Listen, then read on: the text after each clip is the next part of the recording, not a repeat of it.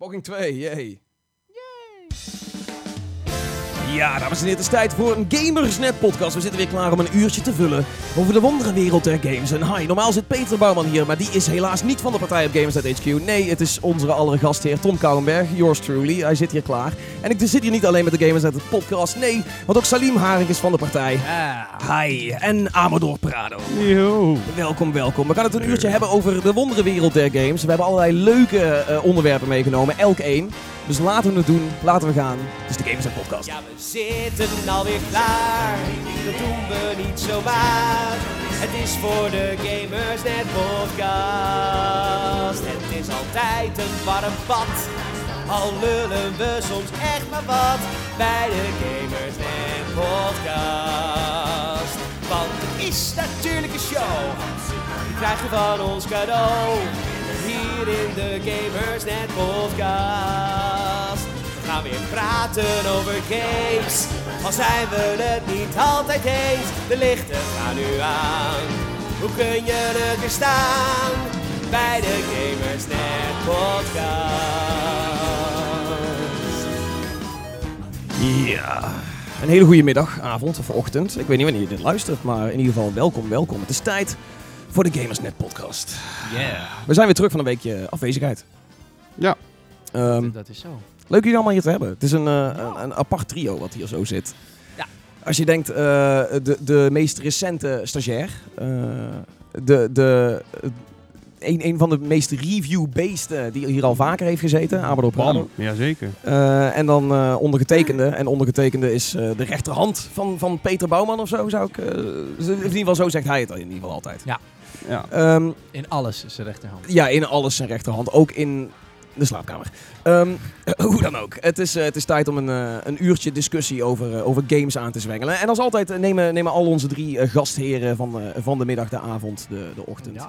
een onderwerp mee. En ehm, laten we allereerst even introduceren eh, wie hier allemaal zit en, eh, en wat ze zoal gespeeld hebben. En dan gaan we door naar de onderwerpen. Ehm, Salim, stel jezelf voor aan de podcastluisteraar. Hallo podcastluisteraar. Eh mijn naam is Salim en ik eh, ben sinds februari stagiair bij Gamersnet. En ik ben al bezoeker sinds eh, 2008, 2007, zoiets. Dus ik ben eh, bekend met The Boys en ik ben bekend met de site. En nu eh, doe ik ook dingen voor de site. Mooi, mooi. Eh, poëtisch. Je, de, de cirkel Dank. is rond, weet je. Eerst Ja. keek je naar ons en nu, nu ben je ons. Wauw. Wauw, Eh, wat diep. Eh, Oké, goed om te weten, denk ik. Ik, Ja. ik, ik hoop dat de podcastluisteraars je een, een warm welkom toe, eh, toewensen. Dat hoop ik ook. Ehm, wat heb je gespeeld deze week? Heb je iets gespeeld deze week? Ehm, nou, dat is dus de koep. Dat, heeft, dat sluit een beetje aan bij wa- waar ik het over wil gaan hebben. Verderop in de podcast. Ik ehm, verveelde me een beetje qua games. Uh-huh. Dus toen eh, heb ik Peter lief aangekeken en mocht ik een, een, een PlayStation 4 lenen van kantoor. En dat is eigenlijk eh heiligschennis, want ik ben een Xbox gamer. Maar eh. Xbox biedt heel weinig lineaire singleplayer games. En dat, daar had ik heel veel zin in. Dus ik heb de PlayStation 4 geleend. En ik zag een aanbieding voor een weekje gratis PlayStation Now. Ik heb er echt nul verstand van. Maar ik zag dat ik dan gratis Last of Us en zo kon spelen. Dus ik denk, nou, dat wil ik hebben. Daar heb je wel een mooie lineaire ervaring te pakken, ja. Ja, dus ik ben begonnen eh, aan The Last of Us. Maar echt net, net begonnen. En eh, samen met mijn huisgenoot staat deze week op de planning A Way Out.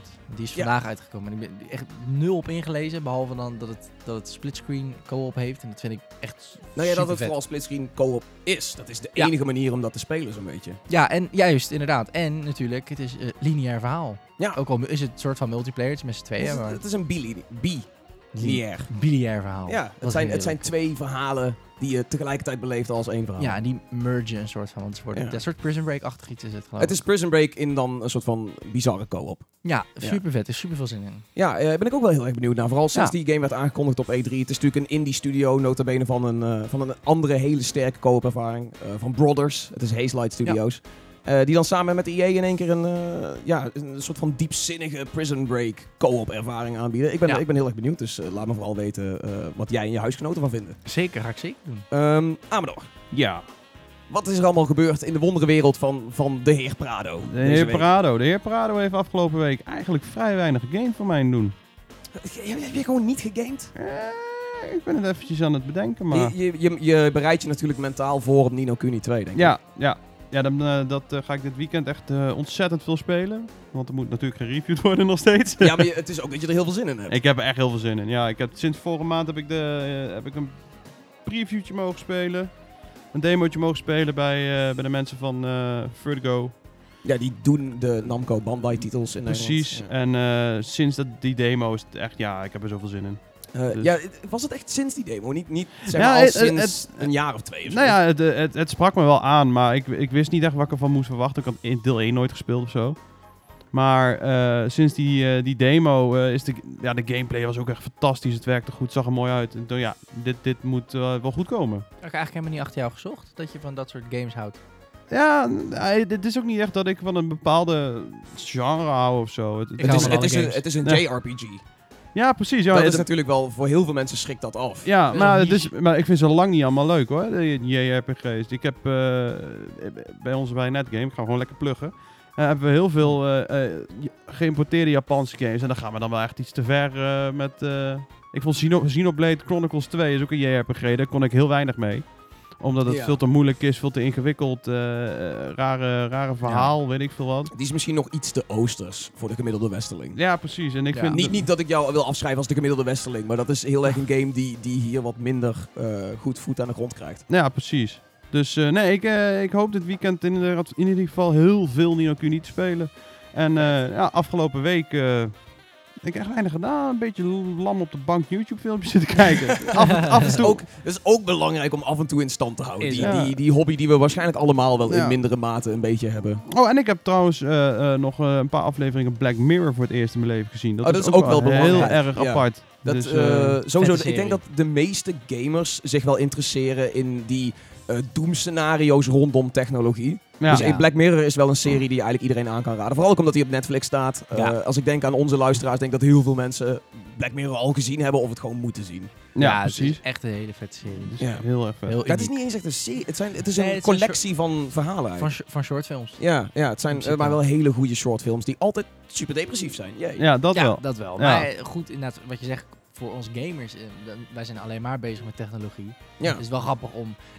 Ik denk dat bijna iedereen wel een, minstens één aflevering in Black Mirror al een keer verzonnen had. Van, oh ja, nou stel dat dit en dit gebeurt. Ja, eh, Playtest is de grote eh, aflevering die gamers sowieso moeten zien. Want één, het speelt een beetje in op wat als VR veel te ver gaat. Klopt. Eh, Seizoen en- 3 trouwens. Eh, dat is, nee, Play- Playtest is seizoen 1. Eh, seizoen seizoen 3 is de eerste aflevering die je bedoelt, is de, de Star Trek de, eh, aflevering waarschijnlijk. Dat is ook zo eentje die waarschijnlijk heel veel gamers kunnen waarderen. ja, Dat is ook met inderdaad VR, waar ze dan in een wereld duiken. Ah, maar Playtest is degene die ook heel horror gebaseerd is. En er zit overduidelijk een karakter in die bedoeld is als Kojima.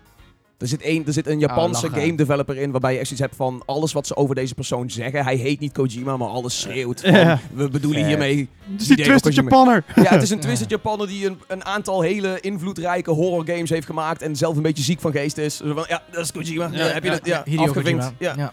Ehm, goed, Black Mirror, ja goed, dat is ook iets, eh daar kun je goed mee bezighouden. Ja, precies. Wat Eh, heb jij gedaan, Tom?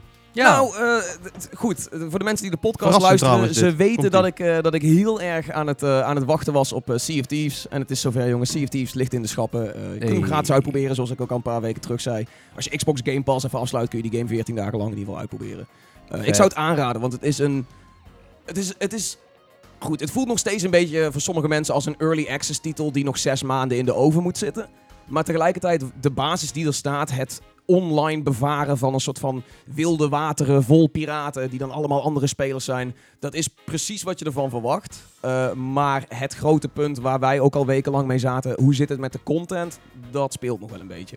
ja, maar het is, Sea of Thieves is ook zo'n game die heel erg draait op het idee, toch? Als Ja. in- Het is het idee ja. dat jij en je vrienden, of jij alleen als je solo dolo wil gaan, eh, avonturen gaan beleven en die ga je beleven. Dus- Daarin is wel het avontuur en de interactie die je hebt met je vrienden is meer drijfveer dan de content en progressie Ja, die ja. Rare hierin biedt. Maar dat was eigenlijk een beetje net als wat GTA Online was voordat de heists uitkwamen. Was Ja. het ook heel erg het idee van... Wow, oké, met acht man gewoon in Los Santos gaan zitten knallen. Ja, wat als we straks samen heist kunnen beleven? Ja, en daar ja. leeft hij heel erg naartoe. Ja, twee jaar lang, bijna, ik geloof in ieder geval twee jaar lang, of sinds Ja, de... sinds te lang.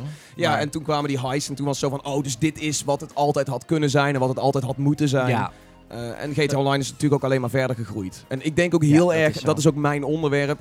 Eh, games zijn natuurlijk nu, vandaag de dag, steeds meer games zijn continu door evoluerende concepten. Het is Ja. niet, als wij een review schrijven, is het niet van, weet je wel, dit is het, dit betaal je ervoor en, en basta. Nee, Nee. het kan altijd nog groeien. En het is, eh, games zijn steeds meer fluïde aan het gaan. En mijn onderwerp is dan ook dat eh, reviews overbodig worden. Ehm, maar ik ben heel erg benieuwd naar, naar jullie onderwerpen. Ik zou zeggen, pitchen even en dan gaan we gewoon, ja, ik denk steen, papier, schaar of zo, wie, eh, wie als eerste gaat. Nintendo Labo, daar heb ik vorige week eh, voor het eerst mee eh, mogen knutselen. En eh, ja, daar wil ik het wel over hebben, want het is toch wel eh, een heel stuk bijzonderer dan het eh, op het eerste gezicht lijkt. Dat is re- sowieso relevant, omdat eh, Nintendo Labo was het grote onderwerp van de eerste Gamersnet podcast. Dus eh, vind ik een goeie. Salem, wat heb jij meegenomen? Ik wil het heel graag hebben over eh, lineaire singleplayer games. Dus, dus, en eigenlijk misschien wel een beetje het gebrek daarvan. Het, het, het open wereld dit, open wereld dat, multiplayer dit, multiplayer dat. Waar is verhaal, waar is lineair, waar is de klassieke game? Ik vind het grote vragen. Zullen we, zullen we daarmee aftrappen? Ik vind het helemaal prima. Ja. Heb je, heb je een voorkeur voor een, voor een deuntje wat je eronder wil? Deze wat is niet de, wat meer. is het de, niet meer deze. Eh, wat, is, wat is het gevoel wat je over wil brengen in je, in je epiloog? Romantie, romantiek. Heavy metal. Eh, dan gaat het niet het... eh, oh god, wat gaan we dan doen? Als ik denk romantiek, dan denk ik, eh, dan denk ik hier aan. Wacht, komt hier. Alright.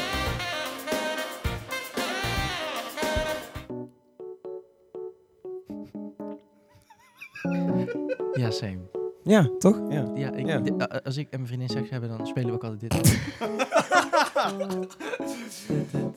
Eh, ja. Dan kun je goed op de maat kun je hiermee. Stel je voor. Hoe sensueel is dit? Hoe sensueel is dit? Ik kan mijn heup hier wel op bewegen. Oeh, wat een basloopje. Het is ook zo'n meme, dit nummer. Echt. YouTube me, me channel song. Ja, of eh, eh, Wii Sports Vine Compilation. Dat zijn, dat zijn, de, de- de- dat zijn de, de, de YouTube searches waar ik mijn vriendin mee in bed krijg. Dus, Hoe dan ook. Salim. ja, Lineaire games, er zijn er te weinig. Eh, je hebt notabene over moeten stappen naar het eh, kamp van eh, PlayStation Oh. om iets meer te halen van het, hetgeen jij zoekt in de Nou ja, games. Wat is het? Ja, nou, laat ik het even gewoon uitleggen wat ik bedoel. Ik denk dat heel veel mensen mij wel al begrijpen. Ehm, gaming is natuurlijk de laatste tijd heel veel online. En dat is helemaal geen probleem. Ik vind dat heerlijk. Kijk naar GTA Online, Red Dead Redemption 2. Ik denk dat mensen 50% uitkijken naar het verhaal. En ook 50% gewoon uitkijken naar Red Dead Online. Want dat Mhm. hoopt natuurlijk ongelooflijk vet te worden met, met ja, heist. Met z'n allen een trein overvallen of zo als cowboys. is natuurlijk super vet Ja.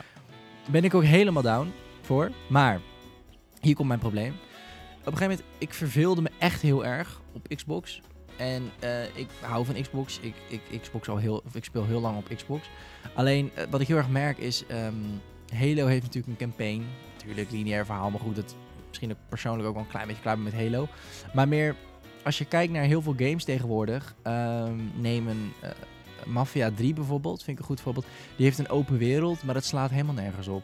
Dat is volgepropt met een soort van sidequest en liberate dit, liberate dat. Nou, dat is soort van het ene kamp. Die gaan er te veel in op. Dan heb je een groep mensen die doen open world. Het zijn allemaal vanmiddag heel veel games doen open world voor het idee van open world. Dan is het Ja. gewoon loop hierheen, dan start je je missie en dan moet je vervolgens ergens anders heen lopen. Verder gebeurt er geen fuck met die wereld. En eh, het probleem wat ik daarmee heb, ehm, is dat verveelt mij. Ehm, ik, Je, je wordt open world moe. Juist. Je, een soort van murgevoel. Juist, kijk bijvoorbeeld een, een Witcher, een Assassin's Creed Origins, een GTA. Die doen het allemaal briljant. Die hebben sidequests, die hebben een goede balans. Die maken gebruik van die open wereld. Daar is over nagedacht. Dat vind ik vet. Die, die werelden leven. Juist. En bijvoorbeeld Watch Dogs 2, je, natuurlijk al helemaal. De hele wereld is interactief. Je kan Ja. alles hacken. Dat is ervoor gemaakt. Maar wa- wat mij zo vermoeit, eh, is ook dat... Als je dan niet meer open wereld wil spelen, dat is een beetje de enige singleplayer ervaring voor mijn gevoel die er is. Dan heb je open wereld en als je dan dat niet wil, ja, dan moet je multiplayer. Dan gaan we naar iets als, nou bijvoorbeeld dan nu Sea of Thieves. Tegenwoordig wel. Maar dat is natuurlijk Juist. heel lang niet zo geweest, omdat gewoon Nee. de, de levels zijn uitgegaan. Levels Juist. zijn, zijn is, dat bestaat niet meer. Je doet niet meer partje 1, partje B. Laat ik zo zeggen, als ik nu zeg level, gaan denk ik meer gamers denken aan welk level ben je in een shooter of Ja. RPG, dan Ja. als ze het hebben over level, wereld 1, level 1. ja. En dat is natuurlijk heel klassiek. Nintendo blijft daar een beetje aan vasthouden. Maar goed, die hebben dan misschien niet heel veel verhaal. Maar daar, waarom ik dan naar eh, PlayStation ben gegaan. Die brengen gewoon eens in de zoveel tijd even zo'n snoepje van een lineaire singleplayer verhaallijn uit. Gewoon voor ook tussendoor. Een Last of Us. Een, een, Die eh, Order. Dus die- iets minder goed ontvangen. Maar, Ja, eh, goed, maar het gaat wel om het idee. Eh, weet je, probeer Until dat Dawn. gewoon. Uncharted. Unchar- Alle Uncharted games. Beyond. Juist, dat zijn gewoon games dat ik denk van, die kan ik ook... Als je, stel je hebt gewoon een, een drukke week gehad en je hebt aan het einde van de week een uurtje even tijd om te gamen. Dan ga je niet, dus ik persoonlijk vind het dan moeilijker om een Call of Duty of een GTA of iets op te starten en keihard online te gaan zitten knallen. Ik heb dan liever gewoon dat ik een game op kan starten en dat ik gewoon even weer een stukje van dat verhaal kan spelen. Ja. En dat hoeft helemaal niet te betekenen dat het een saaie, lineaire, eentonige gameplay is. Ik bedoel, dat kan ook gewoon betekenen dat je... Eh, Oké, Ja. ik, ik, snap je helemaal. Ja. Maar ehm, ik heb het idee dat je hier wel een heleboel titels ook teniet doet. Want er is dat nog steeds wel te halen. Kijk, de levels ga je niet meer zien. Maar lineaire, goede singleplayer verhalen zijn er nog Tuurlijk. wel. Eh Amador en ik zijn groot fan van Prey.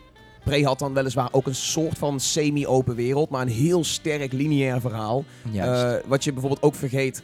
Zijn, eh, zijn titels als Dishonored. eh, die zitten er niet tussen. Eh, Wolfenstein. een Wolfenstein, een Bloodborne. eh, is Oh. natuurlijk wel een Ja. stuk moeilijker en heeft natuurlijk ook levels. is Zij het dan wel iets RPG. meer niche, maar... Dit is niche, maar dat zijn wel slepende, lineaire Eens, ervaringen. Ja. Eens, maar je, ehm, je noemt nu wel een aantal games die ook wel weer een tijdje uit zijn. Ja, oké. Plus, voor mij persoonlijk, om te switchen naar de PlayStation, is natuurlijk ook omdat ik dat er heel veel eh, exclusives eh, voor de PlayStation zijn die dat hebben. Mijn, mijn stelling of mijn, mijn onderwerp vandaag is eigenlijk deels dat dat en uitsterft, maar het sterft specifiek heel erg uit op Xbox. Ja, ja dus Ik- ze hebben zelf nota bene Skillbound eh Juist. beëindigd. Zo, wat een Eh, teringzooi was dat. Recore was Ja. niet wat het had moeten zijn. Nee. Re- Recore was natuurlijk van de maker van Metroid Prime. Was Nou, wat vet. En dat ging En- dan fout. ja, nou ja, fout ja. Uiteindelijk was het gewoon wat heel veel mensen niet hoopten dat het zou Nee, maar zijn. ik bedoel inderdaad meer van, het sterft sowieso uit in de game-industrie, maar ik moet het Sony gewoon meegeven dat zij dat wel gewoon blijven doen. Ja. Zij durven gewoon in 2018 een eh singleplayer God of War uit te brengen. Zo. Ja. Die gewoon echt puur, wordt volgens IGN, als ik die mag geloven, wordt er niet geknipt in de game, er zitten geen cutscenes in, dus je volgt echt een lineair, onafgebroken verhaal.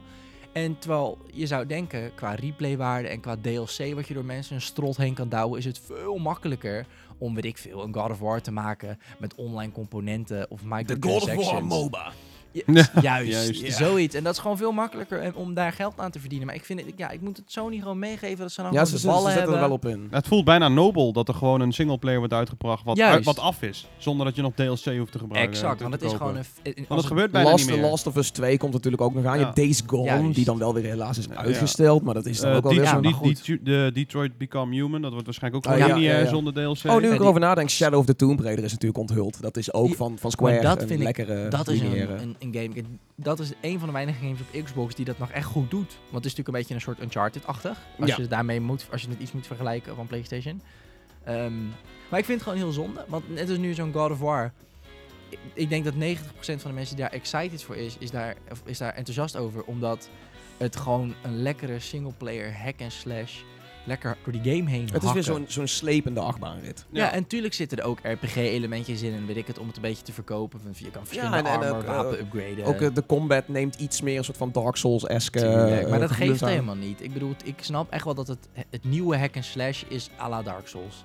Je, Ja. ga- je, gaat, je ziet heel weinig games die nog echt à la de oude God of War, dat je Button bashes en madden. ja, dan door vijf, 1500 Want zelfs, als, zelfs. Assassins heeft nou die, eh, die, eh, die gameplay op- Ja, overgenomen. Met sch- schild en wapen. En- ja, en dat vind ik R1, R1, R2 zijn je, zijn je aanvalsknoppen. Klopt. Heb ik trouwens ook over na zitten denken. Ik dacht, nee, waarom doen we niet meer de face buttons? Maar het is natuurlijk logisch. Als je de triggers hebt om aan te vallen, kan je ook met je rechter, je duimen kun je op de sticks houden. Ja, ja, daar zit wel iets Om- uh, daar, zit ook, daar is over nagedacht. Dus je Ja. kan blijven strafen en zo. Dus ik, ik vind het één goede vaak een goede ontwikkeling. ehm, maar ik, ik vind het gewoon zonde. Dus bij deze Microsoft, eh, maak alsjeblieft... Al is het een nieuwe IP, en ook Ja, ze hebben natuurlijk wel een aantal klappen gehad. Ik bedoel, eh, Quantum Break was niet wat het had moeten zijn. Recore was dus niet ja, maar wat het dat had vind ik moeten zijn. wel vet. Ik vond Quantum Break oprecht vet. Ja, Quantum Break had, had zijn, zijn, zijn strong points, zeker. Ja, maar en- het was niet natuurlijk het Nee. epische, Nee. hybride televisieverhaal wat het had moeten zijn. Nee, maar dat is omdat Microsoft dan weer, dat doen ze heel vaak, dan doen ze zoiets. Dat vind ik, dat is al genoeg. Je maakt gewoon een singleplayer game, dat is al genoeg. Maar Ja. nee, dan moet het weer, oh, de cutscenes zijn met echte acteurs. En, oh, Het is met. Littlefinger. Ja, dat vond ik dan wel vet. Ja, dat was wel maar, vet. dat, was, wel- dat was wel vet. Maar ik, nee, dat was dan weer Nee. jammer. Maar goed, qua gameplay wat ik wel bij zoiets bij de game is misschien een beetje saai, maar het is wel iets waar ik dan wel op dat moment echt nodig had. Ik heb die game echt gekocht omdat ik gewoon weer verdronk in de multiplayer, multiplayer, multiplayer, multiplayer, multiplayer, online, Ja, multiplayer, ja. multiplayer, multiplayer, open world. Toen dacht ik, nee, ik wil gewoon Quantum Break, level 1, level 2, level 3. Heel grappig, maar heel grappig. Ik heb het dus vanochtend tijdens de opname van Goede Frag heb ik dus eigenlijk bijna hetzelfde gezegd. Want wat, wat, dan is, die komt binnenkort online in het weekend. En dan is de vraag welke eh, ontwikkelaar of studio zou jij willen Ja. helpen, eh, over willen nemen en doe wat je wil. En ik heb Microsoft geroepen Ja, met eigenlijk bijna exact dezelfde reden wat jij nu roept. Ja. Dat er te weinig, ten eerste te weinig exclusives zijn en Ja. ten tweede gewoon dat soort games. Want PlayStation pompt die er allemaal uit. Al die Ja. singleplayer Er games. wel meer partijen pompen die eruit. Ik, Dat- eh, ja, oké, ik het zijn er wel meer, maar ik eh, bedoel, meer Microsoft doet het niet. Dus, Nee, nee, Microsoft, Microsoft heeft nou een beetje heeft dus iets van, nou jongens, dit willen jullie blijkbaar niet, want we zien het in de verkopen, dus, eh, dus Ja. laat maar. Ehm, En maar ik, dat- ik zit nou ook weer te denken, bijvoorbeeld EA komt natuurlijk ook aan met Star Wars Battlefront 2 met een singleplayer. Allah, die was niet goed, maar ze zeiden wel van, we gaan een singleplayer doen. En hetzelfde ook met Titanfall 2, Ja. je die hebt ook eh, een, een, een ijzersterke multiplayer had, maar dan ook gewoon de moeite neemt om nog even een leuke singleplayer er doorheen te jenken. Ja, maar dat zit hem denk ik ook wel een beetje in. Het goed dat je dat nu noemt. Met allebei die games kan je ook zien dat in hun eerste deel, Battlefront 1 en Titanfall 1. Ja, dat er geklaagd werd over het, het Juist. gebrek aan. Ja, Want er ja. was toen de tijd, was er weer, was er toen al eh, eigenlijk de klacht van, oké, luister dan, eh, jullie maken nu games die alleen maar multiplayer zijn. Ja, En ja, ja. ik- heel, er zijn heel veel mensen die zeuren over de campaign van Call of Duty. Maar er zijn echt heel veel mensen die dat gewoon echt heel vet vinden. Dat zijn over het algemeen ook wel prima campaigns. Ja, het verhaal is natuurlijk een beetje Michael Bay. eh, goed, het is een beetje een afgetrokken verhaal wel. Het is, ja, het is een beetje de antagonist. Het is heel voorspelbaar. Maar heel veel mensen vinden het gewoon wel lekker om door een Call of Duty campaign heen te knallen. Of een Ja, Battlefield campaign. Ik snap ook wel dat heel veel mensen dat eh, jaarlijks die, die, die Call of Duty hype hebben. En dan gaan ze er in ieder geval wel even door het verhaal heen. Is ook Ik zelf al niet meer, maar, maar goed, ja, het, het, het gebeurt nog wel eens. Nee, als je, als je Call of Duty speelt. Nee, ehm, zeker. Als je zo kan. Sorry. Nee. Ik vind het wel een goed punt. Het komt vaak aan bod. Het, Ja. het gebrek aan, eh, aan lineaire games. Maar goed, Ja. ja. wie, wie gaat het op zich nemen? Tegenwoordig wil iedereen de nieuwe, de nieuwe Battle Royale zijn. En de nieuwe open wereld waar iedereen, eh, eh, nee, iedereen uitkijkt. Ja, maar ik heb zoiets van, je had lekker van elkaar. Ik ben daar echt helemaal voor. Want Assassin's Creed Origins is natuurlijk gewoon eh The Witcher The Witcher 3 Assassin's Creed DLC. Laten we eerlijk zijn. Is het dan niet andersom? Assassin's Creed 4, The Witcher DLC? Ja, kan nee, ook, het- whatever. ja. Maar het, het, het komt erop neer, het vechten is een beetje Dark Souls-achtig, maar dan eigen stijl. En, het, en het, eh, de manier hoe de wereld werkt, hebben ze heel erg van Witcher. Zo met die vraagtekentjes als locaties waar je dan naartoe gaat, en waar Ja. je dan hele gebieden unlockt. Ja, ik vind dat... Dan kan je zeggen, ja, is gejat. Maar ik heb gewoon zoiets van, ja, weet je, het heeft gewoon Assassin's Creed, het heeft gewoon de serie gered. Dus ik ga niet zeiken. Want de gameplay Niks te gewoon... klagen. Ja. Dat is een win-win situatie. Ja, want ze hebben wel een, het zit wel een eigen saus overheen. En Het is ja, sowieso nooit jatten, weet je. Hetzelfde dat je zegt van Fortnite is gejat van PUBG. Nee, dat is gewoon het maken van een genre. Do- doordat Ja. eh, games elkaar, van elkaar leren en elkaars eh, spelelementen implementeren, Tuurlijk. Maar ontstaan genres. Dus dan, dat Het is, idee dat van- is niet jatten. het idee van. Ik vind dat een beetje net als. Battle Royale vind ik een beetje net als Rocket League. Het idee van Rocket League zit bij elke ehm, gamer al sinds die drie is in zijn hoofd. Auto's, voetbal, vet. Maar het is gewoon nu ineens pas iemand geweest die zegt: ja, dan gaan we het ook maken ook. Godverdomme, we gaan het Ja, maken. want zo'n kring die kleiner wordt en zo. Dat had je al natuurlijk superveel modus ook in GTA met autootjes. Dat je uit een Ja, ring ja. moet blijven en zo. Dus het is, het is een beetje een samensmelting van bepaalde dingen. Ik vind niet dat PUBG monopolie mag hebben op Battle Royale. Terwijl ze dat dus wel ooit pretendeerden. Ja. Eh, ze wouden ooit nog Unreal aanklagen omdat Fortnite te veel leek op eh, PUBG. Maar dat is, ja, Ah, zo ontstaan genres. Ja, dat is zo. Dat Ja. is gewoon. Het is gewoon. Ik Battle Royale vind ik ook geen genre. Ik vind het een game modus. Oh, ik, ik, ik denk dat het, als het, het is nu misschien nog een game modus, maar het is, eh, binnen kortste keer is dit echt een volwaardig genre. Ja, maar dan, ja, dan moeten er meer games dan twee zijn. Want ik Ja, nee, de, ja, zijn de, de Ja. Darwin Project en je hebt wel meer die er nou opkomen en zo. Maar het, is, eh, het is een interessante verschijning. En het gaat, het gaat jouw vraag naar lineaire games niet, eh, niet beantwoorden. Nee. Dat nu er Nou, een hype is. Singleplayer Battle Royale. Dat je de campaign moet uitspelen en dat die kring gewoon kleiner wordt. dat je gewoon niet bij levels kan. Het is wel vrij lineair, want ze, ze sturen het verhaal één richting ja, op. precies. Kijk, Ja, nou, ja. dat wil ik. Oké, O- een open weer. Je maakt een fantastische open wereld, Die maar je hebt een lineaire cirkel. En je, wil, je, je gebruikt gewoon 90 van die Ja, je mag gewoon niet daar 90 buiten. Ja, je kun- je kunt er niet buiten komen. Ik vind het vet. Ja, dit klinkt als een eh EA koop ons. Kom op. Eh thanks, Salim. Ehm zullen, we door, zullen we door naar Labo? Ja, zeker. Amador, Amador is, is vrij stil geweest. Ik ga, Eh, ik ga los zo, ja. Nee, Ja. Ik, ik ben het wel eens met, trouwens wel echt eens met, eh, met Salim, want eh, sing- ik ben ook meer een singleplayer gast. Ik vind dat zoveel fijner. Eh, Bloodborne en Dark Souls, dat soort games, daar ben ik Oh, echt ja. ontzettend fan van. Het is gewoon lekker Ja. om in je eentje dat verhaal door te lopen. En eh, gewoon rustig de lore te bekijken. Je vindt weer een item en een heel verhaal eraan. En dan kun je weer koppelen. Dat, dat vind ik zo vet aan die games. Hetzelfde geldt voor Horizon. Die heeft een beetje hetzelfde. Dat is dan wel iets open werelderachtig. Het is heel erg een open wereld. Ja, maar, Maar singleplayer. Is, maar, ja, maar het is singleplayer. En eh, die hebben dan ook een dingetje her en der liggen. En als je dat dan leest, dan wordt het verhaal weer wat duidelijker. Of het verhaal wordt uitgebreider. Ja, de- en dat, dat vind ik zo mooi aan die, aan die lineaire singleplayer. Dat is worldbuilding. Dat Het, ik- het, het maken van een wereld door niet te zeggen van... Oh, hier is een cutscene waarin we uitleggen hoe de wereld is. Nee. Nee, de, de wereld is de wereld omdat die daar allerlei dingen in verstopt Ja, zitten. Die kleine verhalen vertellen. En daar hoeft hij niet open voor te zijn. Een lineaire wereld kan precies hetzelfde bieden. Eens. Ja. En, en dat, dat vind ik zo mooi aan Dark Souls en Bloodborne en zo. Dus Ja, ik dat ben het wel de- heel erg met, eh met Salim eens hierin. ja, nou, Wat zijn we het allemaal lekker met elkaar eens? ja, hey, ja. waar, waar, zijn die, waar zijn die tegenklanken? Ja, dan moet je even wachten tot jouw onder. Ja, dan moet, eh, maar laten we dan eerst nog even, voordat we dan helemaal losbreken en gewoon ruzie gaan hebben hier. Ja. Onder dit heerlijke jazzdeuntje trouwens. Woe! Ja, is een- hier ga ik op vechten hoor. Hier word ik actie van. Ehm, laten we dan eerst even leuk doorgaan naar Labo. Want daar ben je, daar ben je ja, lyrisch over. Lyrisch Ja. over Labo. Met Amador Prado.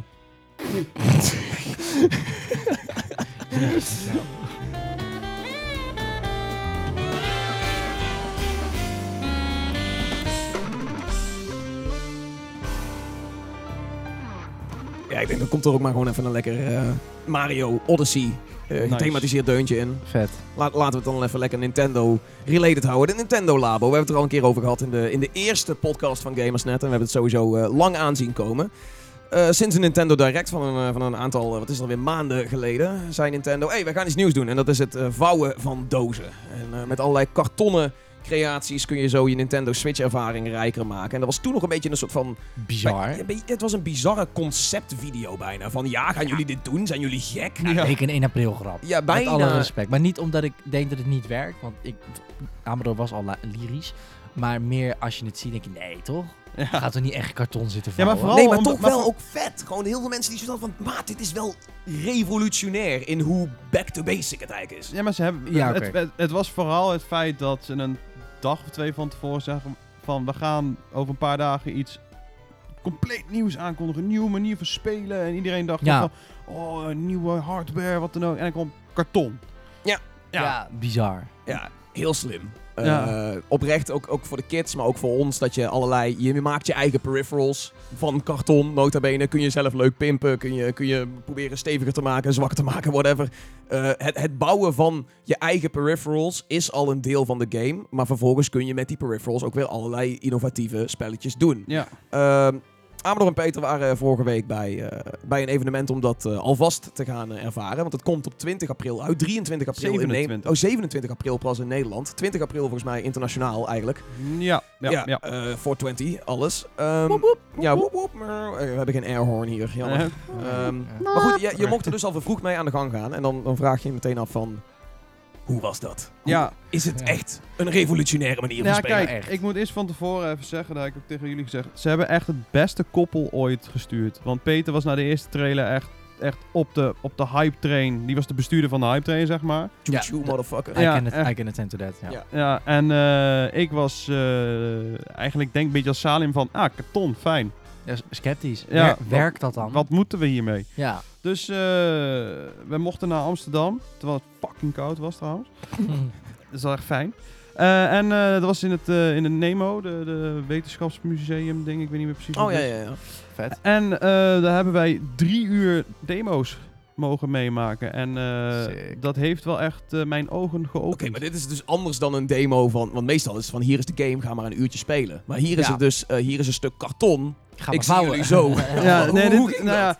ja, eh, eerst, eh, al- als allereerste ging de hele groep, want ik moet wel even, het is wel heel erg gericht op kinderen. Want Peter en ik waren zo'n beetje een van de weinige volwassenen die er waren. Oh damn. Het zag ook heel Echt? lullig uit. Ja, echt. Maar de PR is, neemt toch aan als ze pers uitnodigen dat er gewoon volwassenen Ja, komen? ja, maar er waren ook wel een Nou, paar. Nou, Nintendo Nederland heeft, heeft verschillende programma's die dan bijvoorbeeld nadat ik de 2DS heb mogen spelen, eh, gingen kinderen aan de slag met de 2DS. Ja, Eh, alleen bij ons werd het is best groot. Ja.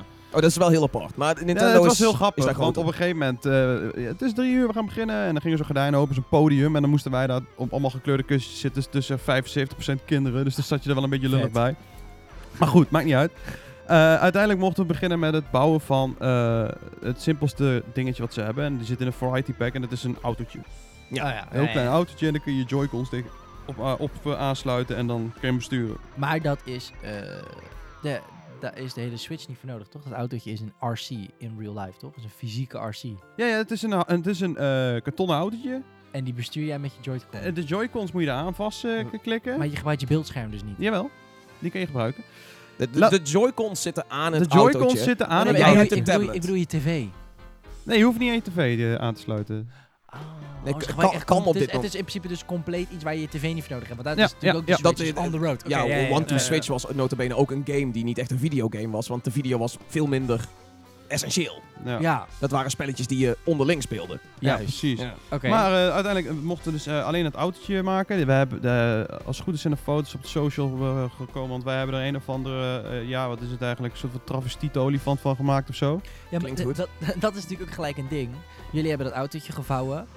Eh, hoe is dat? Is dat, is dat? Want is het echt heel makkelijk? Of Ja. moet je wel... Het is Ja? zo bizar makkelijk. Oké. Eh, eh, kijk, het autootje zelf is ook maar één, één kartonnen sheet eh, en, Ah, oké. en twee dingetjes aan elkaar klaar. Ja. Dus op zich het probleem niet. Er zit de- dat robotpak bijvoorbeeld, dat is 18 kartonnen sheets. En Ja, zeggen, eh, plastic ringetjes en En dat valt mee, touwtjes. 18. Ik, ik ken Ikea-kids die moeilijker zijn. Ja.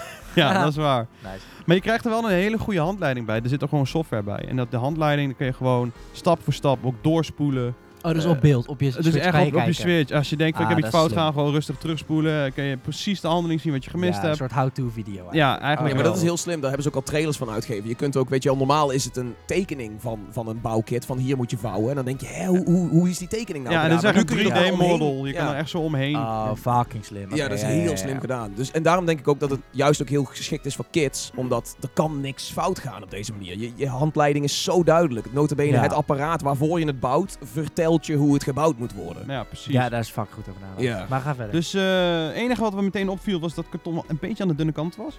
Ah, juist, oké. Ja, dat is namelijk daar, zat ik, daar zat ik wel een beetje De mee. volgende sceptische vraag is, gaat dat niet super snel... Wat, dat karton dat slijt, gaat dat niet super veel sneller kapot dan een plastic controle? Ja, dat sowieso. Natuurlijk. Maar eh, ik merkte wel dat bijvoorbeeld bij de, dat het robotpak, Ja. eh, die rugtas die je dan op je rug hebt, die is dan wel echt heel erg stevig. Ah, Dus het hangt een beetje af van welk, eh, welk eh, bouwseltje je hebt. Ja, oké. Ik denk dat het ook wel komt dat als je hem te zwaar maakt, dat autootje, dat hij niet lekker beweegt met de trillingen van de Joy-Cons. Dus ik denk dat dat ook wel ja, mee te maken heeft. Dat is ook wel logisch. Maar eh, uiteindelijk hebben we die gemaakt en vervolgens mochten we naar verschillende demo's van alle kartonnen bouwsels die je hebt. Dus je hebt de Oh, dus die hadden ze wel al gebouwd. Ja, ja. Het was niet zo van als je dit wil meemaken, dan moet je het eerst zelf godverdomme maar gaan bouwen. Ja, ja. Nee, het waren, ze stonden allemaal klaar. Dus van de Variety Pack, dat is dan het, eh, het pakket met vijf verschillende dingetjes. Dus de auto, de, het stuur, eh, de hengel, een huis en... Robot? Nee, de robot is apart. Ik vergeet iets. De piano, had ik al gezegd? Oh, ja, nee, Ja, piano de piano, nog niet ja. De gezegd. piano maar nog ja, niet vet. Dat vind ik wel heel vet ook. Ja, en ehm, die mag je dus allemaal checken. En eh, het, het verbaast me hoe, hoe het aangestuurd wordt. Je hebt dus, eh, de meeste dingen worden eigenlijk alleen aangestuurd door alleen de rechter Joy-Con. Bizar. In de rechter Joy-Con zit een, eh, onderin zit een eh, infraroodcameraatje. En die reageert op reflecterende strips die jij op je ehm, kartonnen bouwsel doet. Dus je kan, als voorbeeld, je hebt hu- dat huis. Dat huis, daar zit een schoorsteen in. En in de schoorsteen zit de Joy-Con met de camera naar beneden. Dus aan de binnenkant van het huis zit hij te filmen. En je kan aan de linker, rechterkant en de onderkant van het huis kan je verschillende dingen indoen. Zo'n schakelaartje of een ratel of wat dan ook. Ja. Waardoor eh, iets verschijnt op het scherm. Op het scherm zit dan een monstertje, zo'n Tamagotchi is het eigenlijk. En die kan je dan spelletjes mee doen, minigames. Oh, vet. Maar door de, door de patronen van de eh, reflecterende strips Ja. die, de, die, die naar binnen worden gepropt, kan de, de Joy-Con precies aflezen wat voor ding het is. En verschillende combinaties zorgen ook voor verschillende minigames. Dus Oh, touwtjes springen, eh, je, eh, je kan hem voeren, je kan hem laten slapen. Dus dan doe je zo'n drukknop erin. Verschijnt hij op het scherm en ik zo'n enorme schakelaar. Druk je erop, gaat het lampje uit en dan gaat hij slapen bijvoorbeeld.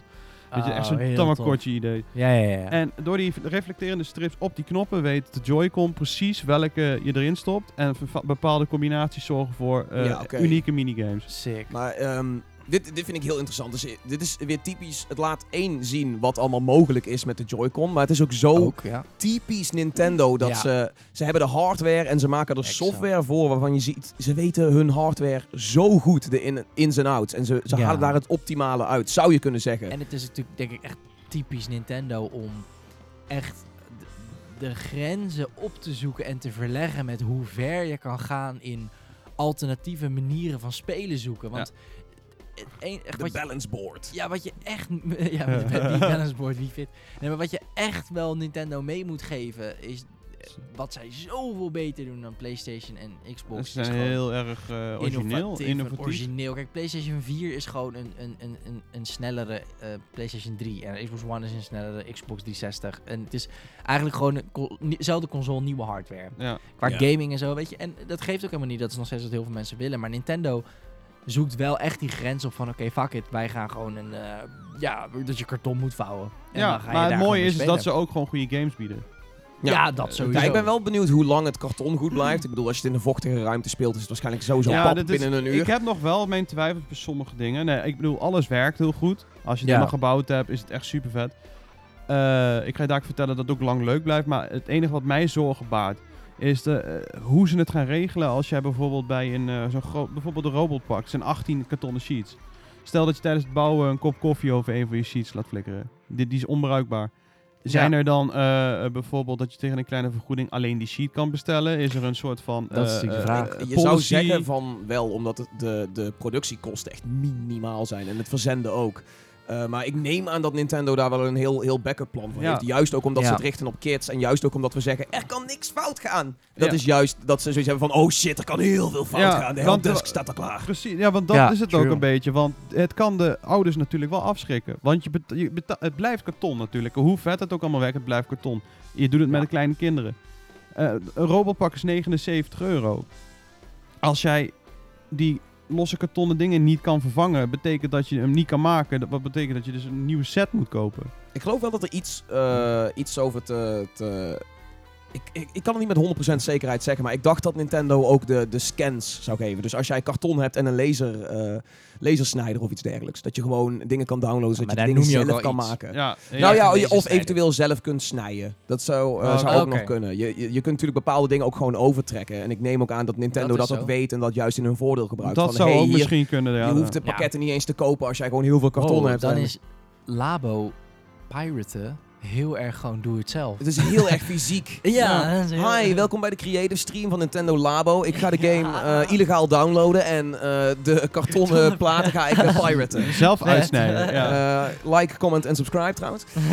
ja. Ja, dat is wel heel apart. Dat is er is wel één ding aan Nintendo Labo wat jij nog wou zeggen van eh, dat het langer leuk blijft. En ik denk dat dat zit in het feit dat Nintendo ook alle tools De software. ja. gewoon geeft van dit is allemaal wat het kan. Ga er nu zelf maar iets Ja, maken. dat, dat, ja, dat was echt voor mij het hoogtepunt van die hele demo. Uiteindelijk mochten we naar het... eh, ze hadden het in drie, in drie schema's. Ze hadden dan bouwen, ontdekken en spelen. Bouwen was dan eh, inderdaad het, het autootje. Mhm. Eh, spelen wa- waren dan al die voorgevouwen dingetjes die je kon uitproberen. En ontdekken was meer de, de eh, manieren wat je kunt doen nog naast dat je hem gevouwen hebt. Vet. Ehm, een voorbeeld. eh, de, de autootje wat je kan maken, die kan zichzelf ook eh, besturen door het infraroodcameraatje op de rechter Joy-Con. Die pakt dan ook die reflecterende dingen op. Je krijgt Ja. eh, bij dat autootje krijg je ook eh, pilonnetjes. En daar kun je die reflecterende strips op doen. Mm. Waardoor je dus een parcours kan uitzetten die je autootje volledig autonoom zelf Ah, kan- dat is heel vet. af, af kan gaan. Ehm, ze lieten een voorbeeld zien eh, dat je een giet... Dat, dat, ik, ik ging helemaal lijp werd ik ervan. Je kon ehm, op het scherm heb je zeg maar aan de linkerkant eh, alle functies die een Joy-Con of die de Switch eh, heeft. Ja. Eh, bijvoorbeeld schudden van de Joy-Con zorgt voor deze reactie. Waardoor je dus je eigen regels kan maken en je Ah. eigen... Het is je eigen in- en out schema. Dus ja, je kunt precies. zeggen, dit in betekent dat out. Het is een soort Ja. van programmeren voor, voor kids. Ja, Is precies. if this, if this, Dus then dan- that. ja, precies. Ja. Het is heel erg bazaal. Dus Dus, wat- het programmeren en systeemborden leren Dus- voor kids Ja, en precies. voor jong Dus wat, wat doet die Ja. gozer? Hij heeft er drie. Eh, alle drie eh, had hij ingesteld het aanraken van, de, van de, de switch zelf, van het scherm. Ja. En eh, de reactie is een bepaalde toon. Dus eh, hoog, laag, eh, nog lagere toon. Ela- elastiekjes erop en je had een gitaar. Oh, Dat- sick. dat- ja, En volgens mij hebben ze dit ook laten zien in de, in de trailer als een van de voorbeelden van dit is wat, wat wij niet zomaar aanleveren, maar wat je zelf kan maken als je, als je het talent ervoor hebt. Want Nintendo geeft alle data. Ze zeggen van dit is alles wat de Joy-Cons uit kunnen lezen en dit is alles wat je daarmee kan doen met Nintendo Labo. Dat is wel echt heel ziek. Ja, Dat is slim gedaan. Maar ook, eh, wat ik had met Peter toevallig een beetje voor de grap erover. Je kan zelfs gewoon drankspelletjes verzinnen. Je kan er bijvoorbeeld een bepaalde timer erop zetten wanneer de switch afgaat. Je kan ervoor zorgen, na 40 keer schudden met de Joy-Con gaat, eh, eh, gaat er een alarm af. Waardoor Ja. eh, degene die hem in Maar- de handen heeft, eh, die verliest, die moet dan een shotje nemen bijvoorbeeld. We zaten al helemaal in, eh, in de vrijdagavond sfeer, zeg maar. ik vind, Ja, dat, ik ja, vind ja. dat heel goed en sowieso ook heel creatief van jullie. Chapeau. Chapeau, chapeau. Ik ben wel benieuwd, eh, heeft het het Super Mario Maker gehalte van ehm, het delen van dat soort Ja, dingen? dat zou, jij, hoop ik wel. ja, zou je, bijvoorbeeld als jij een programma schrijft voor een tof drinkspel, ehm, zou je dat dan kunnen delen in een, in een cloud en dan erbij kan zeggen van hier zijn de, de dingen die je uit moet knippen ervoor nog eventueel, of dit zijn, dit zijn weet je al, regel drie elastiekjes en dan kun je dit doen of zo. Ja, maar kan je dan dus ook weer zo'nzelfde soort scan ook maken? Dat zou vet zijn. Nou, Ja. ik, ik hoop wel, dat hebben we in een Het zou een hele leuke community kunnen In de, pre- in, de, in de, de preview die eh, binnenkort online heb ik met Peter gedaan. Daar had hij het toevallig ook over. Dat we bijvoorbeeld een Little Big Planet idee. Dat je je eigen level kan maken en dat je dat kan delen met de community. Ja, ja, ja. En dat mensen dat dan Vet. kunnen of kunnen eh, creëren zelf. Of kunnen, kunnen, downloaden en meteen kunnen gebruiken. Ja, oh, dat Big wel vet Planet. zijn. Sorry. Ik, Ja. was heel die game vergeten. Ja, en... ehm ja, en Project Spark. ja. en voor mij was het hoogtepunt dat ik eh, in de, het, eh, het robotpak mocht. Dat werkte zo Snap goed. ik. Dat Ja? was zo bizar. Een beetje VR, hè? Fucking vet. Dat was echt bizar. Ja, het is VR, toch? Het is Ja, eigenlijk nou ja, een soort van, van VR, ja. Eh, eh, eh, ook dat wordt gewoon allemaal aangestuurd door alleen die rechter Joy-Con die midden in de rugtas zit, waar dus alle touwtjes en alles doorheen lopen. En er zitten dus ook allemaal van die reflecterende strips. Dus die weten precies wanneer je je arm strekt om een slag uit te delen. Maar op een of andere magische wijze weet hij ook eh, eh, hoogteverschillen. Want als je op je knieën gaat, dan verandert de robot op het scherm verandert in een tank. Eh, en die kan dan schieten door je armen weer te strekken. Allemaal HD Rumble, man. Vet. Of hoe, hoe noemen ze het ook? Was het HD Rumble? De, ja, de Joy-Cons eh, hadden echt zo'n functie die eigenlijk nooit gebruikt is tot dusver Ja, publiekelijk. precies. En dat, het lijkt nu wel alsof Nintendo tegen de hele wereld zegt... Kijk jongens, zo gebruik je Zo die gebruiken bitches. het als Dit een gek gebruiken. Oh ja, Ja. want in de, zit natuurlijk een soort, ja, dat spelletje bij de One Two Switch dat je Met dat balletje. Ja, dat balletje. En dat was dan ja, er zit ook een trillen. gyroscopische dingetje zit er ook allemaal in. Ja, Ja, ja, ja. vet. Eh, eh, het Maar niemand gebruikt het, zeg Nee, maar. Of in ieder geval weinig, weinig ontwikkelaars gebruiken het. Terwijl, terwijl Nintendo hiermee heel duidelijk laat zien van... Maat, er is zoveel mogelijk. Ja. Probeer Ja. het eens. Ja, en het sturen van de Ja. robot is ook gewoon naar links en naar rechts. Gewoon alleen een heel klein beetje met je schouders naar links en naar rechts. En de Ah, stuurt fantastisch. Je kan vliegen met de robot door je armen naar achter te gaan. Te strekken, een beetje zo Superman-achtig. En dan gaat hij Sick. vliegen. Ja, het werkt zo ontzettend goed. Ik ben er zo, on- ja, ik ben zo Ja, je- 180 sowieso, graden gedraaid. Eh, i- erover. iedereen Ja. moet eigenlijk even op, eh, op... t- Volgens mij is het op de Twitter van Gamersnet zelf, ja, geloof dan ik. zie je mij heel Even, even losgaan. het videootje van Amador die inderdaad de robot is. Want de glimlach op zijn gezicht eh, spreekt Zeg boekdelen. genoeg. Ja, Ja. ze spreekt echt boekdelen. Eh, ik heb Amador nog nooit zo, zo kinderlijk blij gezien. Ja, het is echt En, en het zo staat vet. op video, dat is heel goed. Dit is ook echt... Ja, Vet. het is heel vet. En eh, hij komt dus 27 april komt er maar uit. Dan krijgen wij ook ons eh, gay olifantje opgestuurd. Leuk, leuk. Oh, Want, eh, oh, dat is vet. Die krijgen jullie gewoon opgestuurd Ja, van de PR. want eh, Oh, omdat vet. we mochten hem eh, niet meenemen natuurlijk, omdat het nog niet uit was. Nee, logisch. Wat gek is, zo van nee, dit karton blijft hier, man. Ja, het, ik vond het ook een beetje apart. Maar oké, uiteindelijk krijgen we dus wat we gemaakt hebben, krijgen we wel toegestuurd, 27e. Dus dat is wel heel vet. Dus die heeft die mooie plekje hier op GN, want het is echt de meest fabulous olifant die we ooit gemaakt hebben. Ah, nice. En eh, ja, ik, ik, kijk, ik zou het zelf nog steeds niet halen, want ja, ik, ben, ik heb geen kinderen. En ja, ik ben ook zo iemand, weet je, ik ben ook zo- PlayStation, Xbox vind ik ook veel leuker. Gewoon zitten, even, even spelen. Ja, Ja, plus, dit plus is je bent nog wel een maand, eh, maand druk met Nino Kuni, denk ik. ook dat. Ja. Dat ook. En Frankrijk komt eraan, God of War. Dus Ja, en het Ja. is, het is het, wat je net zegt, het is wel eh, Nintendo, het is wel weer... Wij snappen waarom het sterk is, maar dat wil niet zeggen dat we het zelf echt staan te popelen om te Juist, spelen. Ja, het is ook, weet je, ook weer de actieve gaming. Ja. En dat, Ja. is, dat is voor de echte gamer, eh, is het gamen toch wel een beetje ontspannend. Daarom ook singleplayer lineair. Ja, Veel maar- ontspannender. Maar knutselen is wel heel ontspannend. Ja, dat wel. Dat wel. Ja, dus dat is wel een Dat punt. wel. Dus, eh, En ja, de creative streams, jongen. Dit is zo. Dit Nintendo Ja, Labo ja, is ook ja. echt een zoiets van dat je gaat streamen, dat je niet alleen de game Ja, speelt, maar maar ook zo- dat je de game maakt. Zo'n robotvak gaat je gewoon een, mi- een middagje kosten hoor. Ik heb gezien wat er Ja. allemaal in zit. Je hebt 18 kartonnen sheets, eh, allemaal plastic eh, ringetjes om ervoor te zorgen dat die Maar het touwtjes is niet door het karton gaan. Het is uitdruk Het is karton, ja, dat zijn dus Dus ze maken het zo Als het makkelijk als ze moet het kunnen. knippen, dan... eh, Ja, dan word je gek. Dan krijg je echt ver, ver- verrotte dingen, denk ik. Maar eh, nee, dit, Ja. dit, dit, eh, op een paar dingetjes na is dit gewoon... Kan dit alleen maar een succesverhaal worden. Vet. Ik ben benieuwd. We gaan het, eh, we gaan het meemaken. Ja. Zeven- 27 april. Ik, Yes. eh, ik, ik wacht de, met hoopvolle ogen wacht ik de review af op gamersnet.nl. Lekker. Zoals ik iedereen ook aanraad om te doen. Totaal niet biased verder. Ja. Hi. Eh, laten we het nog Allemaal even... IGN. Nee. La- laten we het nog even kort hebben over het onderwerp wat ik heb meegenomen. Eh, we zeiden het net al. ehm, Ja. het gaat over de eh, complete overbodigheid van reviews. Of in ieder geval, ik voel aan mijn water. Ik voel en ik verwacht dat ehm, reviews, de klassieke reviews zoals we hem kennen, eh, kort na release een geschreven stuk over een game, of het wel of niet goed is, of het je geld waard is, voor wie het bedoeld is.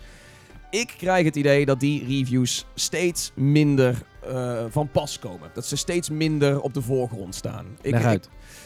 is- eh, Kijk, eh, over verloop van tijd zijn, zijn games gewoon niet meer complete producten geworden. Weet je, als een game in de winkels ligt, is het niet dat het enige wat je krijgt. Dat, dat product wat in de winkels ligt, of dat product wat in een digitale store staat, dat is zo vaak, of steeds vaker in ieder geval, is dat iets wat fluïde is. Iets wat kan veranderen. Eh, sowieso, allereerst als wij in een review klagen over eh framerate drops. Of, eh, Dat vind ik altijd al kansloos. ja, of bugs en dergelijke. Dan, dan enerzijds kap je die af, omdat je zegt van ik heb 60, of je betaalt 60 euro voor dit product. En er zitten gewoon allerlei bugs in. Ja, Belachelijk. Je review is gewoon niet tijdloos als je dat doet. Nee, ja, precies. Je mag het noemen, maar tegelijkertijd ja. misschien wordt het wel weer nooit opgelost. Misschien ook wel.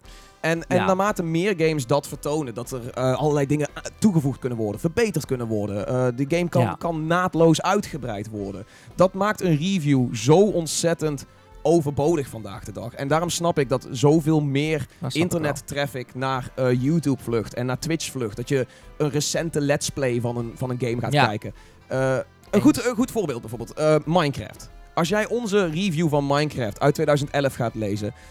Die lading is. Het het- het hele artikel is nauwelijks dekkend voor de lading die dat spel nu heeft. Ja. Ik snap dat je nu liever een. Gewoon live naar, op Twitch gaat kijken hoe die Maar- game nu is. Of naar een eh, let's play op YouTube gaat je kijken. noemt nu ook wel een game.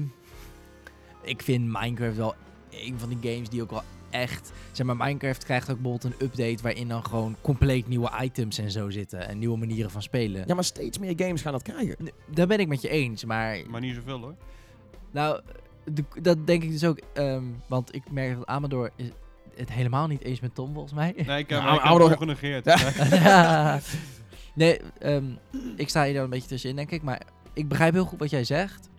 Uh, het is ja en nee. En nee, Oh, wauw, de, de, de, de. Nuance. de, de classic gamersnet nuance. Ja. Waar anders? Nou, want ik denk namelijk dat wat jij zegt helemaal waar is, maar wel voor die games. Ik denk dat een, eh, een Assassin's Creed, een God of War, een Uncharted, een eh, Call of Duty, een eh, echt de hele de FIFA en al die soort van beetje standaard games of heel veel mainstream games gaan nog steeds heel erg in op het idee van oké, we hebben een verhaal te vertellen of, een, of bijvoorbeeld een PUBG of zo. Er worden heel veel dingen wel gepatcht en er verandert ook wel wat. Maar zeker bij grote franchises die eens in de twee jaar of eens in de misschien zelfs wel vier jaar uitkomen, is dat denk ik niet eens heel erg nodig. Omdat die developer niet als doel. Kijk, Minecraft is een game die is nooit af. Het is meer een idee. Als, eh, heel erg zweverig nu. Maar Ja, ja, maar dat, steeds meer games gaan, hippie. gaan richting dat fluïde idee. nee, daar ben ik met je eens. Eh, maar hoe, hoe, hoe zie je dat dan bijvoorbeeld met eh, Far Cry 5? Die heeft dat toch niet? Of ja, God kijk, of daar War? gaat, dan, daar gaat dan Season Pass content bij komen. Dat is, dat is een relatief gesloten game. Maar steeds Juist. meer games gaan, gaan richting het games as a service principe. Dus steeds meer Fair games worden een online service. En die probeert altijd in te spelen op de doelgroep. Eh, en ja, er zijn nog steeds de lineaire ervaringen. Of in ieder geval de, de, de, de, de gesloten de games. gesloten ervaringen. En daar zal het ook minder voorkomen. Maar ik zit bijvoorbeeld ook te denken... eh, een Prey had heel veel frame drop problemen en dergelijke. En laadtijdproblemen. Dat is nu ook allemaal eruit gepatcht. En dat- dat- Ja. dan, dan staat dat zo scheef dat dan in een review... dat dat een review van een week na release is dan al een soort van outdated. Ja, ik, echt op het moment dat je het Ja. schrijft, is het alweer klaar. Terwijl als iemand een, een pre wil zien hoe het nu loopt, ga je gewoon naar YouTube. You good. Maar ik vind ook gewoon, dan bij ons of gewoon in het algemeen, ik vind dat je dat soort dingen wel kan noemen. Maar ik vind zeker niet dat het invloed moet hebben op je cijfer. Nee, nee, nee. Want Ik je, vind- je Wat mag geen invloed... Fouten in de game mag geen invloed hebben op je cijfer? Zeker niet. ze worden er toch allemaal uitgepatcht. Ik vind is wat hij nu zegt. Nee, meer, ik vind als een game frame drops heeft, noem het, tuurlijk. Want, maar ga niet je Kijk, ik vind die, dat cijfer moet tijdloos zijn. Iemand moet Assassin's Creed Unity nu kunnen gaan eh, willen onderzoeken of het de moeite waard is. Omdat ze bijvoorbeeld begonnen zijn met de serie. Volgens ons wel. En dan, en dan, ja, maar dan niet overal vieren zien staan. En dan, ja, waarom geef je het een vier? Ja, eh, toen die uitkwam, had je lek spikes. R- dat is Ja. toch dom? Ik vind, Ik ben sowieso voor het afschaffen van cijfers op heel veel maar tuurlijk, fronten. tuurlijk moet je dat gewoon noemen van, oké, luister dan, let op jongens. Eh, bij het schrijven van deze review zet je desnoods de datum tussen haakjes. Heeft de game gewoon lag spikes en eh, functioneert de game gewoon nog niet helemaal naar behoeven. Maar als jij dan dat leest en ziet, oké, dat is twee jaar geleden.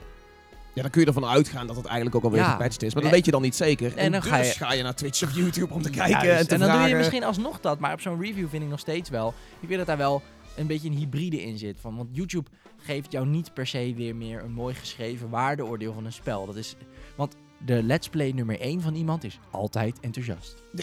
Elke let's play nummer 1 is altijd, oh my god, I have literally never played anything like this. This is like It's so amazing. new. I've waited so Oh, long to sponsored play this bij EA, game. Sponsored bij EA, sponsored bij EA. Also, guys, if you want to if you want to compete in a unique giveaway of the game. Juist. Dat, dat, en dat heb je bij een review gewoon niet. Dat vind ik het mooie. Oh. Ja, dat- goed. Dat is ook nog maar de vraag in, bij welke media dat wel en niet waar is. Maar ik, ik zit heel niet, erg... bij ons niet. eh, Mag ik? eh, nee, bij ons niet. Eh, Amador, je zit al een tijd lang echt Ja, je, een soort van je rage op te bouwen. Eh, hit- hit me up. Eh, nou, kijk.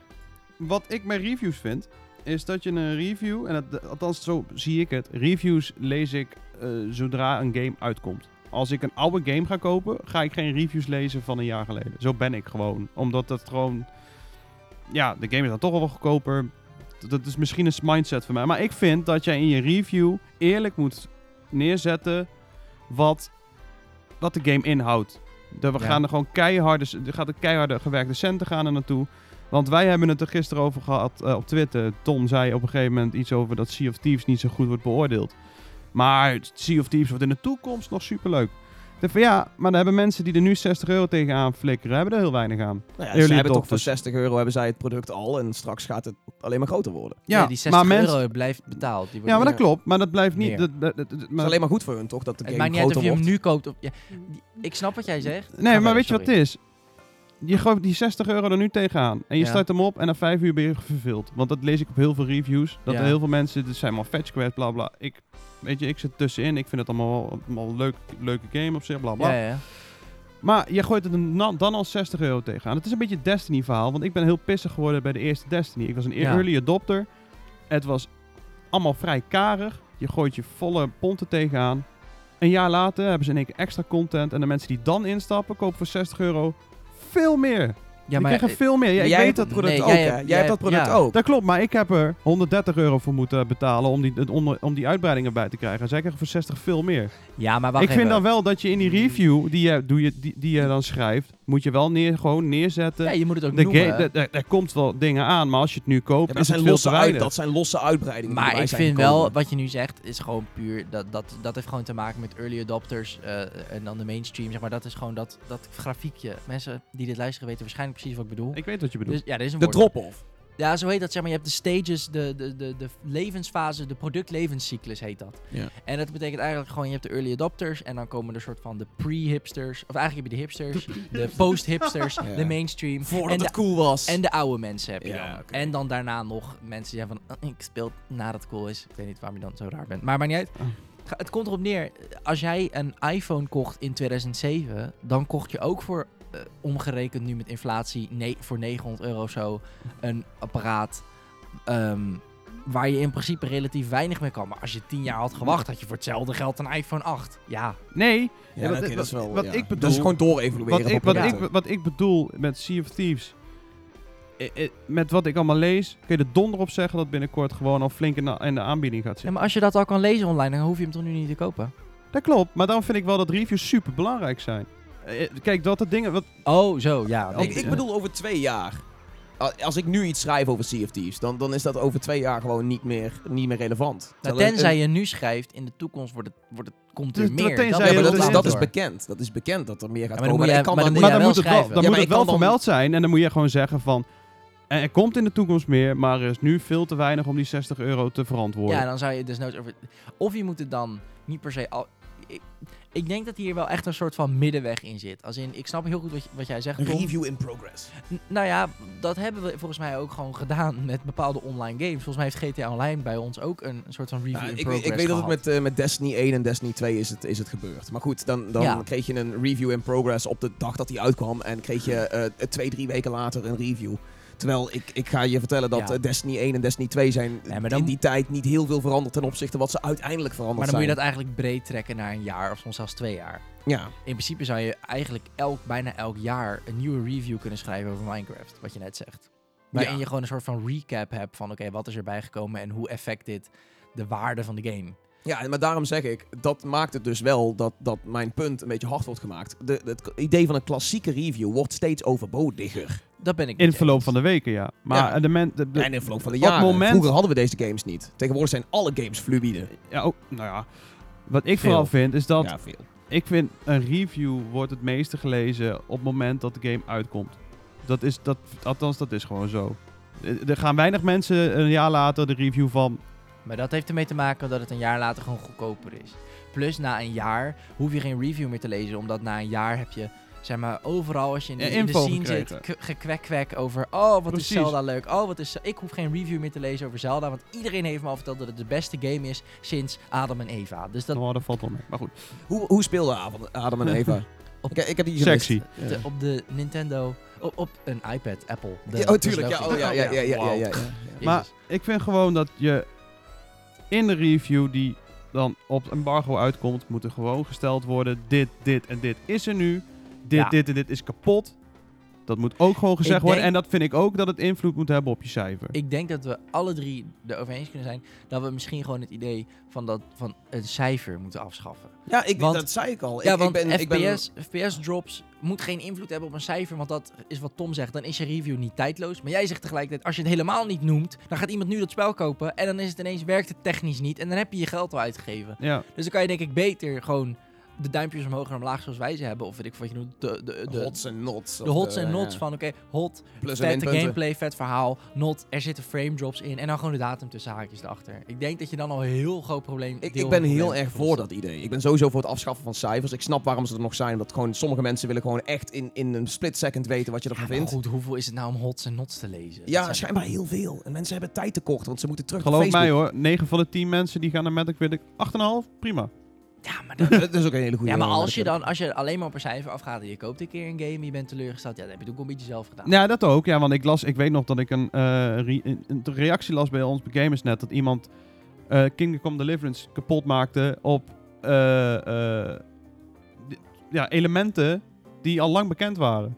Ja, dat Er zit geen multiplayer in. Nee, maar ook Ah, echt super realistisch, dat- ja, dat, dat, ja, inderdaad. Ja, het vechten is eh, veel te langzaam, veel maar te is- realistisch. Dus als ja, je- dan had je eigenlijk wel even iets moeten lezen, Nee, maat. maar dat, dat is ook als je, als, je, als je voor jezelf consumentvriendelijk wil zijn, lees je je in op de shit die je kan verwachten van een game. ja, precies. Dus, ja. dat- dus dat is, ja. Maar, Maar oké, ik, ik denk gewoon dat, dat vandaag de dag eh, reviews steeds minder relevant gaan worden. En dat steeds meer mensen, en we zien het nu al, dat steeds meer mensen gewoon gaan... eh, wat, eh, oké, ik wil misschien die game kopen. Waar ga je naartoe?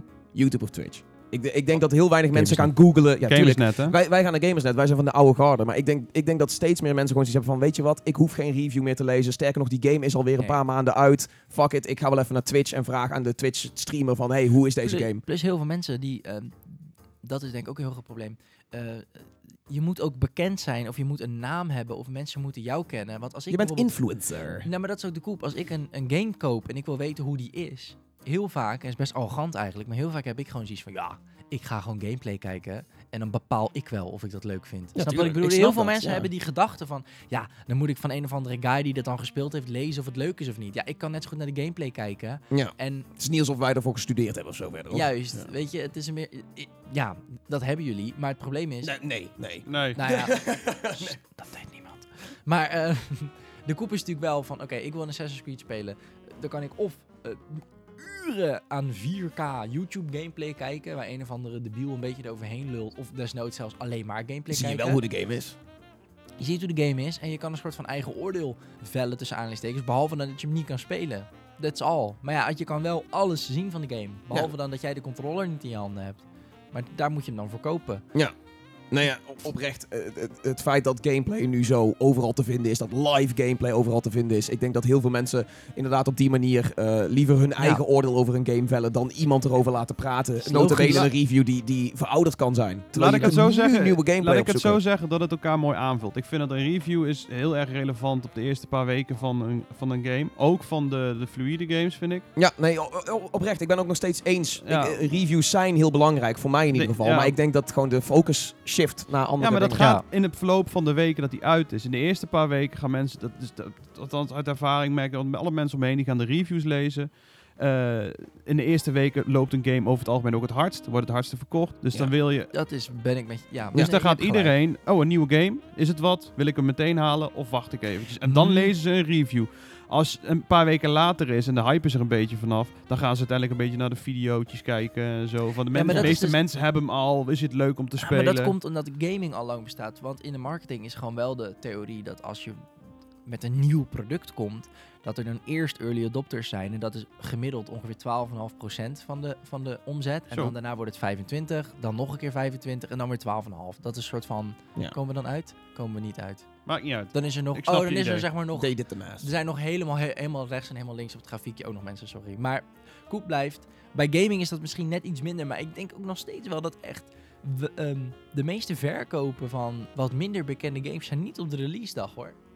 Oh nee, je ziet tegenwoordig heel veel games die eh, al een paar maanden uit zijn of zo. En dan in één keer een, een swoon Ja, maar dat is ook in de marketing al bekend. Maar Ja. dat een, een- dat een Maar Far dat Cry komt- of een weet Dat ik veel komt wat op ook release. maar- meer door Twitch en YouTube dan het komt Ja, door reviews. Ja, want ik Ja. bedoel, eh notabene PewDiePie heeft eh, drie jaar nadat Skate 3 uit was, in één keer die game een slinger gegeven. Dat gewoon, dat gewoon Dat retailers zeiden. EA, hebben jullie nog meer van deze games? Want in één keer wil iedereen deze Ja, shit dat, dat, hebben. dat is, maar dat is de kracht Ja. van influencers. Ja, nee, goed. Dat, en dat is ook natuurlijk ook wel een, Maar een, dan een, een denk ik uitzonderingsgeval. Maar nog, alsnog, weet je, dat, dat had je vroeger niet. En dat ga je nu alleen maar meer zien. Nee, dat, maar als influencers reviews zouden schrijven, om ze dan even te combineren, denk Ja, ik dan weer wel weer dat...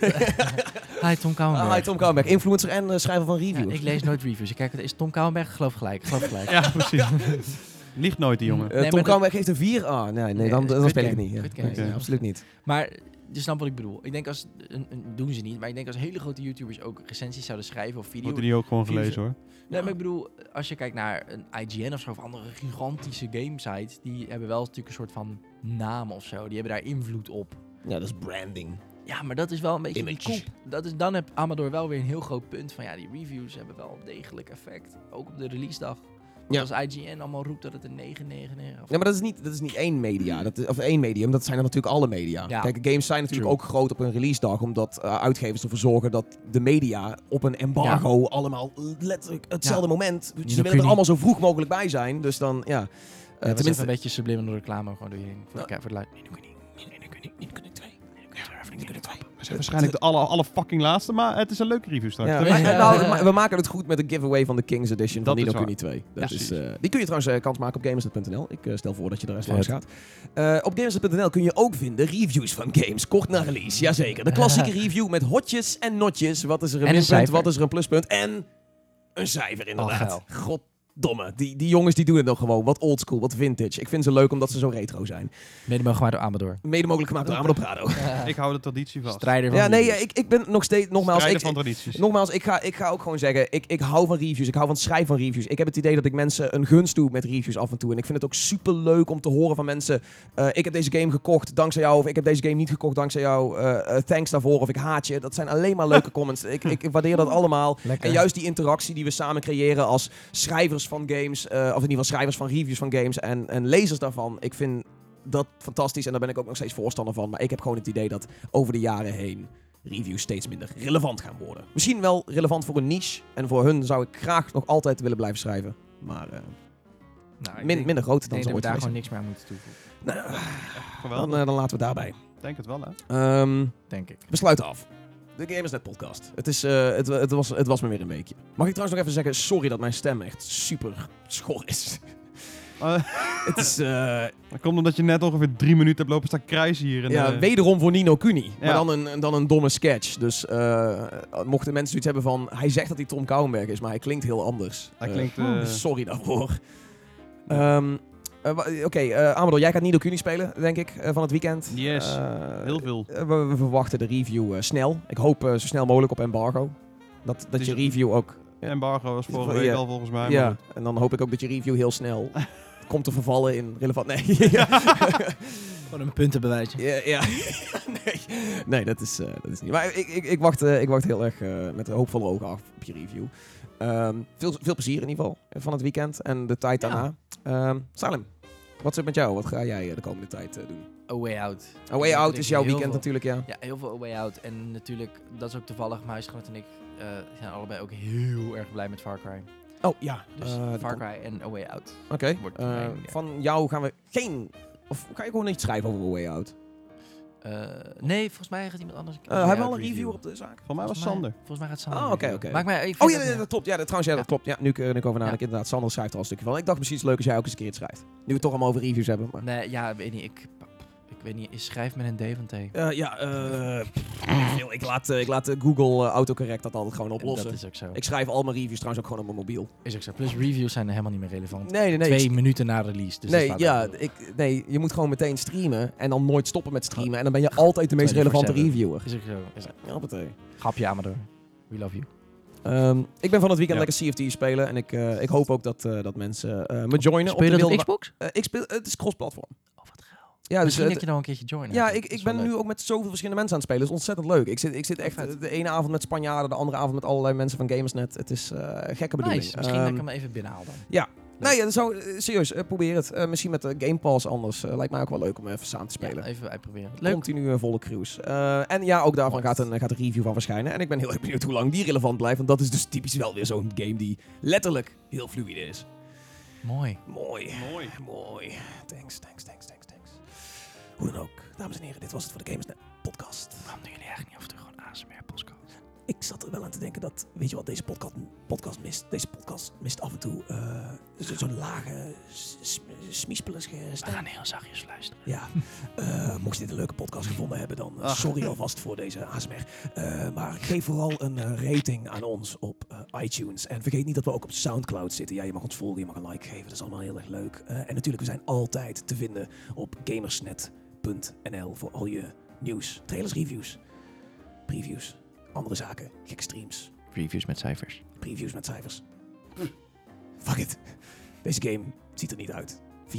Hij komt volgend jaar uit. Doei. Tom Kouwenberg. Tom Kouwenberg. Tom Kouwenberg. Lekker hoor. Influencer en professioneel reviewer. Ik dank u allen. Eh, dit was het voor de Gamersnet podcast. Eh, we horen graag van jullie. Je kunt altijd mailen naar radio... Sorry, podcast. Oh, gamersnet.nl. Ik hij zit nog de, weer. ja, sorry, ik zit de hele tijd in die oude vibe. Nou goed, anyway, eh, sorry, we gaan in één keer een heel stuk... a- eh, die mensen hebben hun volume helemaal opgedraaid over die ASMR-stukken, maar whatever. Eh, schreeuwen gewoon. ja, ja, sorry, sorry, ear rape, alles. Ehm, hoe dan ook, eh, stuur ons een mailtje, radio, eh, so- fuck, podcast at gamersnet.nl. Eh, haak in op de onderwerpen of uh, lever aan ons een nieuw onderwerp aan. Vinden we allemaal leuk. En natuurlijk de ratings en de likejes op Soundcloud zijn altijd welkom. En gamersnet.nl. En daarmee sluiten wij af. Salim, Amador, bedankt. Jij ook bedankt, ciao. Tom. Jij ook bedankt, ja. Tot snel, hou hem hard, hou hem hier. Gamerset.nl. Ja.